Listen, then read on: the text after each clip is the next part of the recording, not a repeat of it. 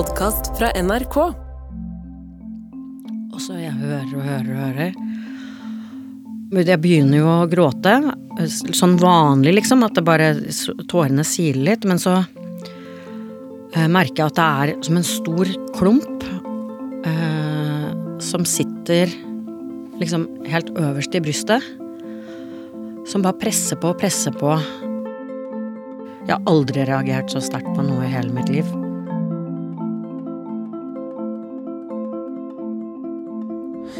Dere som har fulgt denne podkasten fra begynnelsen, har etter hvert hørt at gjestene mine og jeg har delt mange dikt.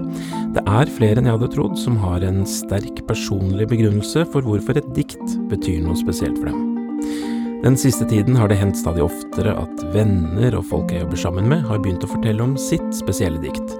Og en av disse er min gode kollega Sis Vik. Litteraturjournalist i NRK gjennom mange år, og som jevnlig publiserer sine populære bokbrev på nrk.no.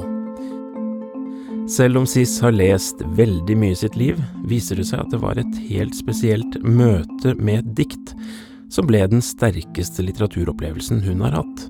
Et dikt som brakte frem noe som hadde ligget under overflaten. Nå skal vi snakke om et dikt som du har skrevet om i bokbrevet ditt. eh, Fordi det virket ganske så plutselig veldig sterkt på deg. Og det diktet skal du dele nå. Hva, hvilket dikt er det? Skal jeg lese det? Gjerne. det, jeg håpa at jeg skulle slippe å lese det selv, for det, forfatteren leser det veldig bra. Det er Tor Magnus Tangerås, heter han. Han var debutant i fjor. Um, og jeg må gi litt bakgrunn, for det begynner med et navn, dette diktet. Uh, Øyvor, det er da niesen til Tor Magnus Tangerås. Og hun døde da hun var åtte år gammel. Åtte år lenger enn legene hadde sagt, står det i et åpningsdikt, da. Um, så hele den diktsamlingen handler om denne Øyvor som, som, døde, og som hadde et liv egentlig bundet i sånn sykehusseng, da. Øyvor, hvor er du vorten av? Hva er du vorten til? Er du snø? Er du vind? Er du i snøfjoma? Eller i tomromma? Er du i skyene, eller i sjølve bya? Er du over bakken og fjella, steinane og greinene, taka og vegane, på nasetippene og i nevane, eller er du i votten som vart borte?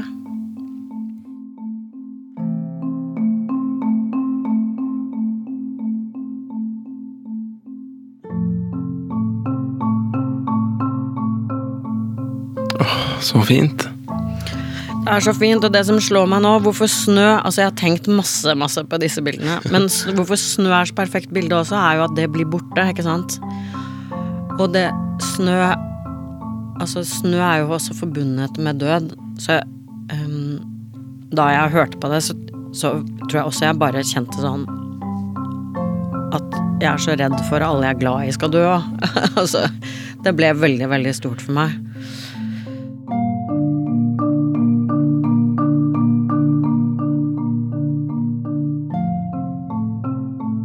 Fortelle historien om, om dette diktet og virkningen det hadde på deg, og den forundringen du kanskje også har følt på i forbindelse med det, så må vi til litt tilbake i tid.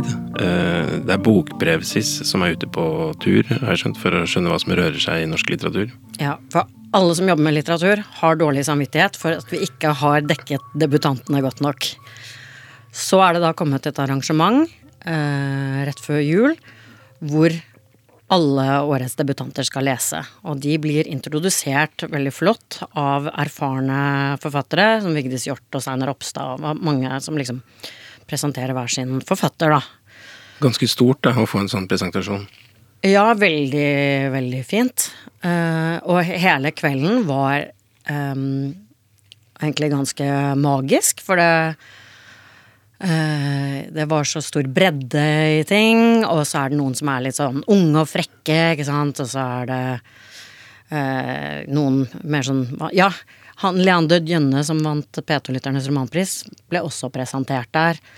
Noe voldelig på bergensk, altså masse ulike ting. Og så kommer det da en fyr, for meg er han en fyr, med en diktsamling som heter Ø. Lyseblått omslag med en Ø på. Den har jeg ikke fått med meg noen ting om. Altså, Noen av de bøkene har jeg hørt om, noen er blitt anmeldt. Noen har jeg forholdt meg til, men denne her har gått helt under radaren min. Og så er det da Så heter han Tor Magnus Tangerås. Han øh, jobber øh, med å undervise på Westerdalsvei, tekstskriving. Og er fra Haugalandet, som er øh, like sør for der jeg er fra, på morssiden.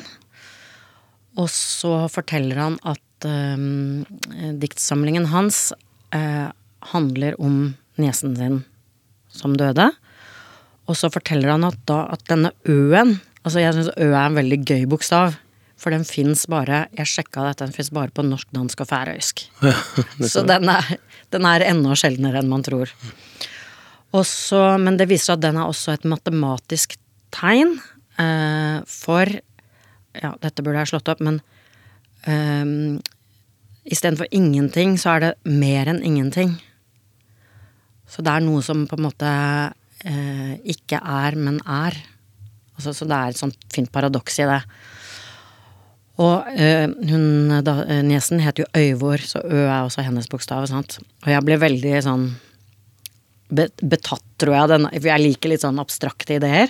Ble veldig betatt av denne her Å, ja, det er ingenting, men det er ikke ingen, altså et paradoks, liksom. Det er spennende å tenke på. Hva er det egentlig?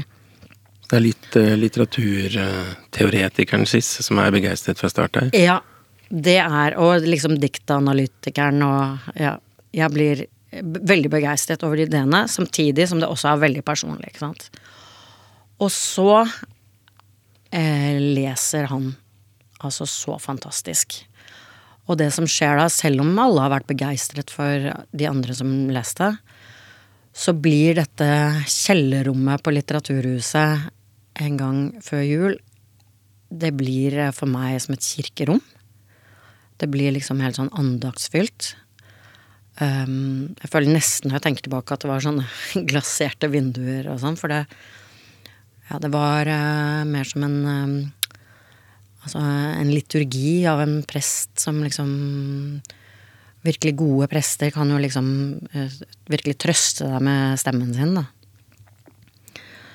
Så Um, det som skjedde, jeg var veldig begeistret, og så gikk jeg hjem. Og så var jeg sånn Jeg må ha mer av dette. Jeg var liksom eh, Jeg ville være i den stemmen mer. Og så um, fant jeg ut at ja, den er jo utgitt på lydbok. Uh, så jeg begynte på begynnelsen. Det er en stor uh, diktsamling, dette her, da. Og så uh, Altså allerede starten settingen i Det er et sånn prologdikt som sier at det er den andre i andre, altså det er februar. Um, Øyvor begraves. Det snør hvitt på den lille hvite kista. Altså, ikke sant. Det er bare utrolig trist og utrolig vakkert allerede fra start. Og så jeg hører og hører og hører. Og så um, kom, Jeg begynner jo å gråte sånn vanlig, liksom, at det bare tårene siler litt. Men så uh, merker jeg at det er som en stor klump uh, som sitter liksom helt øverst i brystet. Som bare presser på og presser på. Uh, og dette er liksom større enn jeg pleier å, å, gråte når jeg leser et fint dikt. Og så sier jeg til mannen min og ligger ved siden av, da, bare Men um, jeg skjønner ikke hvorfor jeg reagerer så sterkt på dette, på diktsamlingen. Uh, for jeg, jeg tenker liksom Jeg har jo ikke mistet et barn, da.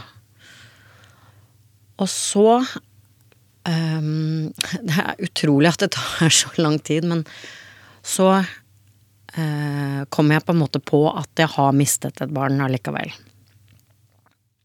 Jeg ble da gravid med Jeg fant kjærligheten seint i livet. Så jeg må ha vært sånn 40 uh, da jeg ble gravid. Og så får du ta da tidlig ultralyd. Og når jeg ser på den der skjermen, sant, så ser du den herre sånn, Den er litt mer enn reke, da, men den er ikke blitt barn ennå. Men så sier jeg oi, fordi at jeg liksom skjønner at det er liv inni der. Mens han eh, fødselslegen, eller hva han heter, han sier oi fordi han ser at noe er galt. Og så um, tar det litt tid, du må ta prøver, bla, bla, bla. Og så drar vi på høstferie til Bømlo, som er rett ved det stedet han Tangerås er fra. Og det høljeregner, og jeg er der med mamma og pappa, og med forloveden min da, og hans datter. Eh, og så Vi venter og venter og venter på at det skal ringe fra Ullevål sykehus.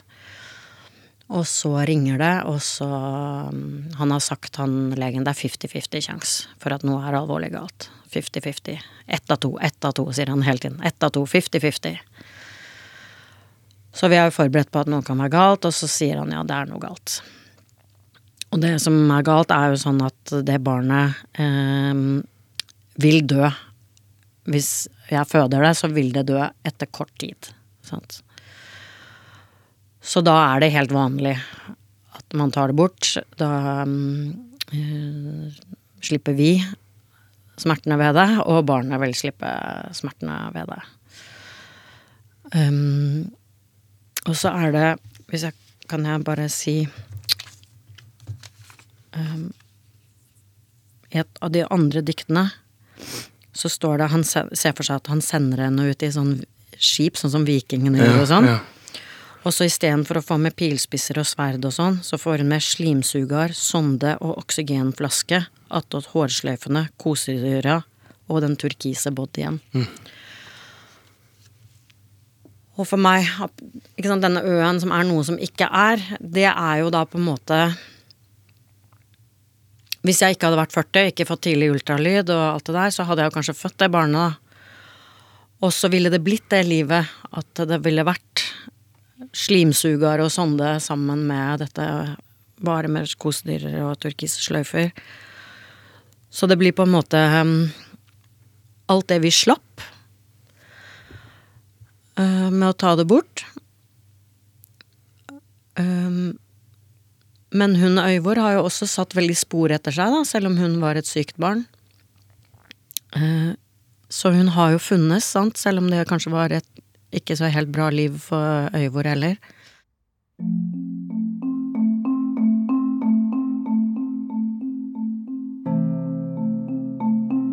Så blir det jo også det der det livet som uh, kunne ha vært. Det er, jo, det er jo også det med at sant, Det barnet ville dødd uh, uansett. Uh, men også den tanken hele tiden at liksom hva om jeg og mannen min hadde et barn sammen, da. Uh, det der å liksom forsone seg med at man blir barnløs. Sant? Da vi fikk den telefonen, så var det jo sikkert like hardt for mamma og pappa som ikke har noen barnebarn, at liksom vår familie Gren av familietreet dør ut nå. Broren min har heller ikke barn. Uh, Eh, så, og det er også en Det er på en måte en sorg på deres vegne, da. Hva er du vorten til? Er du snø, er du vind, er du snøfjomma eller tomromma? Mm. Men bare ser ned på de ordene, og så uh, Er du i snøfjoma? Altså, det er snøfjom, det ordet. Uh, et lite fjom. Det er så bitte, bitte, bitte lite. Og at liksom Det er veldig fint uttrykk for at noe kan være til på en veldig liten måte, da. Ikke sant? Inni et snøfjom. Der er kanskje det mulige livet, da. Jeg er kjempeglad for livet mitt nå. Kjempeglad mann. Fantastisk stedatter. Fantastisk katt. Jeg vet ikke om jeg hadde orket Altså, jeg hadde ikke orket med et sykt barn engang. Men det er Det gikk liksom forbi sånn Jeg har jo lest masse portrettintervjuer, og jeg har lest Andal Torp har snakket om sånn spontanaborter og det der. Det gjør jo inntrykk, men de diktene liksom gikk bare forbi alt det analytiske, plutselig. Men jeg Er du i votten som ble borte? Altså, jeg begynner å gråte av det òg. Ja. Det er så utrolig poetisk. For alle har gått, særlig om vinteren, sånn, så går du, og så ligger det bare noen vått, en barnevott på bakken. Og så tenker du litt sånn Å, nå er det en sånn liten barnehånd som er rød av kulde et eller annet sted. Og de kommer ikke til å finne igjen den votten selv om du prøver å finne dem tilbake. sant? Og da kanskje er det det eneste som er igjen av henne, er den lille votten. Jeg vet ikke, jeg syns uh, Ja. Den votten er veldig fin. ja. Hele den diktsamlinga er Jeg har jo også lest den nå, da. Og det er et lite mesterverk, må jeg si. Det er så fint. Det er eh, mye å gråte av. Da jeg var på Litteraturhuset, så um, Det jeg husker at jeg først og fremst tenkte Herregud, det er jo opplesning som gjelder med dikt. Det er, man, det er sånn man skal oppleve dikt. De må leses opp. For det um, ble så utrolig personlig at det var som en streng mellom han og oss som satt der uh, i salen. Men selvfølgelig, når du leser den også, så er det noen ting som er veldig, veldig fint i skriften. Sånn som det Ø-symbolet. Det kommer jo ikke fram når du leser det, da. Men på slutten, på siste side, så har han bare sånne ø-er bortover, og så til slutt så blir de borte. Og de ø-ene er da som snø som faller, og så blir de borte, ikke sant. Så det er sånn Det er mesterlig både lest og skrevet.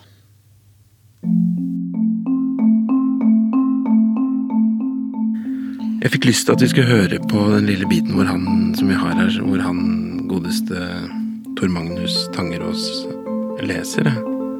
Ja, for, for, for det er jo han Det var jo stemmen hans. Det var jo det å høre det framført. Det var liksom en perfekt storm, dette her. At han Det var en perfekt storm, ja. Og tenk dette, det kom fra nowhere. Ikke sant? Jeg hadde ikke noe forsvarsverk. Og han har så fin stemme, og han Det er så mjukt. Øyvor, hvor er du vorten av? Hva er du vorten til? Er du snø? Er du vind? Er du i snøfjoma eller i tomromma? Er du i skyene eller i sjølve bya? Er du over bakken og fjella, steinane og greinene, taka og vegane, på nasetippane og i nevane? Eller er du i votten som vart borte?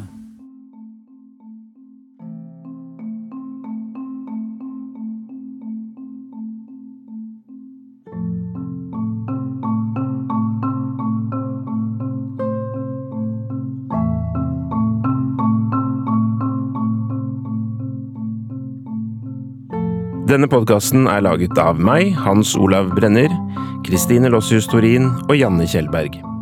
Redaksjonssjef Helle Vågeland. Håkon den syvende var Norges første og eneste folkevalgte konge. Men hvem var den danske prinsen som var villig til å gi alt for Norge? Hør historiske kjendiser med meg, Alexandra Gjerpen.